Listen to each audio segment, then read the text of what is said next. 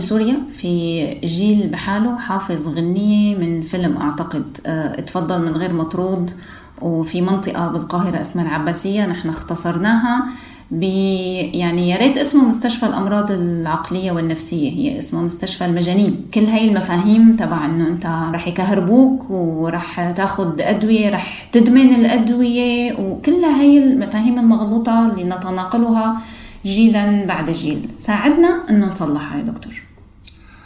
آه، إحنا عندنا ما يسمى بالوصمة. الوصف السيء للأمور عندنا في مجال الطب النفسي.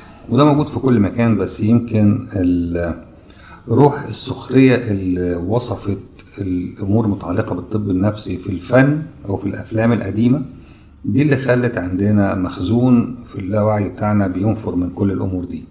يعني عندنا المرض النفسي فيه مشكلة عندنا المستشفيات النفسية فيها مشكلة عندنا الأدوية النفسية فيها مشكلة عندنا الدكاترة النفسيين نفسهم فيها مشكلة. كل حاجة من دول كل عنصر من دول الناس بتهابه وبتخاف منه وبتعول همه لدرجة إنك حتى بعد ما الناس بتاخد في بعض المرات يروحوا للدكتور ويتغلبوا على خوفهم وياخدوا علاج بتبتدي الصراع بعد كده يا دكتور هنبطل علاج إمتى؟ لأنهم بيبقوا خايفين جدا من العلاج أكتر ما هو خايف من التعب اللي هو كان فيه.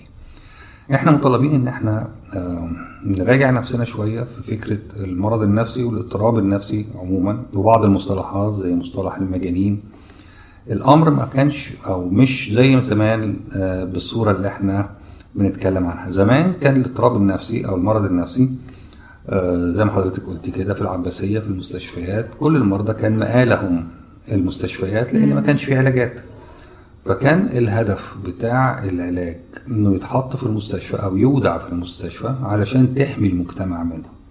ودي كانت الفلسفة السائدة في الوقت ده. فكانت المستشفيات النفسية لحماية المجتمع بيتاخد المريض علشان نوبات الغضب ونوبات السلوكيات الغير مفهومة ويتحط فيها عشان المجتمع يبقى آمن.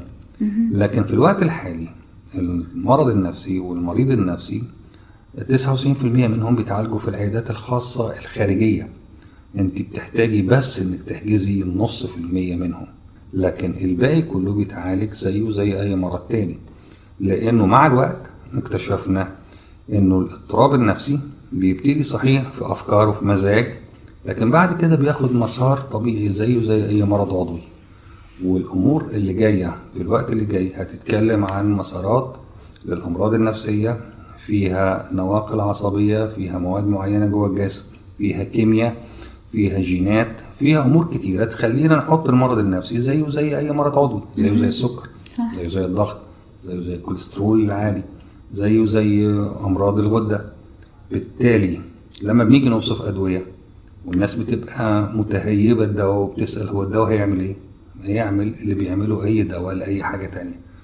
بتنزل المواد اللي بتسبب الاضطراب وبترجع القدرة للمريض على إنه يتعامل مع الأفكار والمزاج اللي في ذهنه بصورة كويسة. مع الوقت في ناس ابتدت تشعر بأهمية الأمر ده وتتجاوب معاه. لكن طبعا لسه في مشوار طويل إحنا بنمشيه والناس كلها في الفيلد بتاع الطب النفسي بتحاول إن هي تغير وجهة النظر دي بالذات مع وجود موروث قديم من أفلام إسماعيل ياسين ومن الأفلام القديمة اللي فيها نوع من السخرية. الروب الابيض والدكاتره وفيها مشكلة الكهرباء. برضو الأمر الغير معلوم لدى الناس بيبقى مثير للقلق. يعني الناس لما تسأل على جلسات الكهرباء هم مش فاهمين بالظبط إيه اللي بيحصل فيها. وبيعتقدوا إن هي في النهاية وسيلة للتعذيب أو لتأديب المريض زي ما بيشوفوا في بعض الأفلام. لكن هي جلسات الكهرباء جزء علاجي زيه زي أي حاجة تانية وحاليا القانون بيلزم إنه ياخدها تحت تأثير مخدر. فلا المريض بيشعر ولا بيتألم ولا بيتعب وبياخد الفايدة الكاملة منها لأن هي علاج في بعض الأحيان لما بتفشل كل الأدوية ما بيبقاش قدامنا غير الجلسات.